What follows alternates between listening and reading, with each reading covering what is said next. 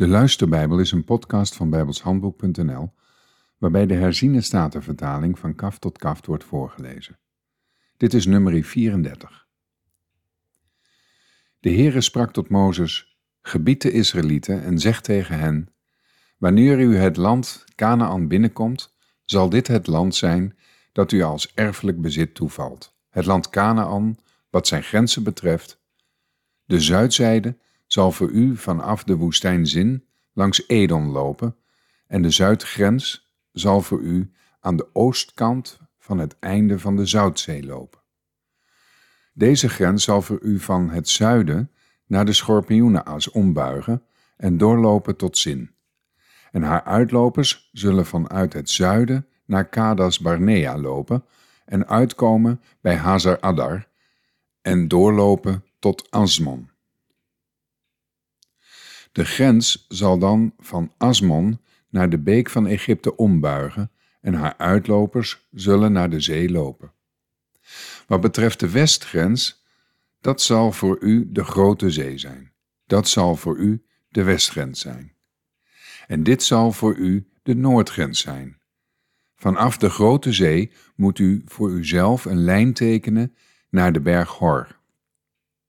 Van de berg Hor moet u een lijn tekenen naar Lebo Hamath. De uitlopers van deze grens zullen naar Zedad lopen.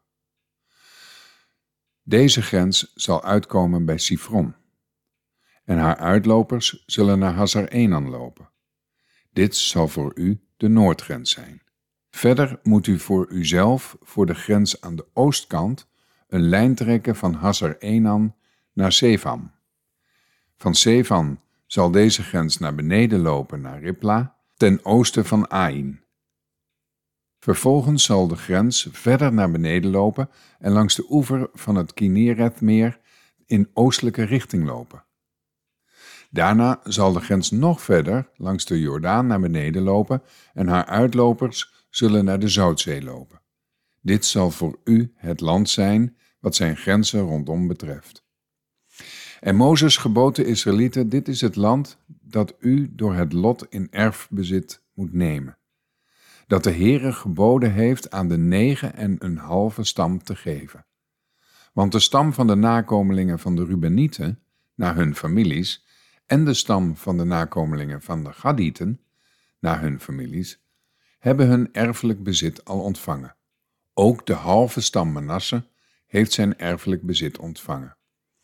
Deze twee en een halve stam hebben hun erfelijk bezit ontvangen aan deze zijde van de Jordaan, ter hoogte van Jericho, aan de oostkant waar de zon opkomt.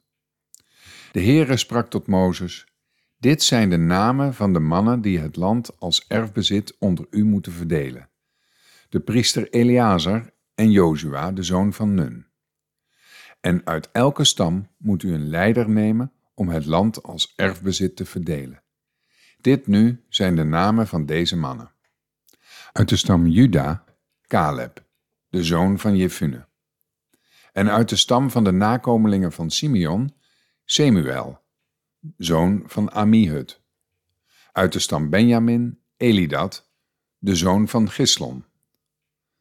En uit de stam van de nakomelingen van Dan, de leider Buki, zoon van Jochli. Van de nakomelingen van Jozef, uit de stam van de nakomelingen van Manasse, de leider Haniel, zoon van Evod. En uit de stam van de nakomelingen van Ephraim, de leider Kemuel, zoon van Siftan.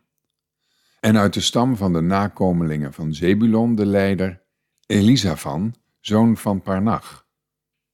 En uit de stam van de nakomelingen van Issachar, de leider Paltiel, de zoon van Azan en uit de stam van de nakomelingen van Azer, de leider Achihud, zoon van Selomi.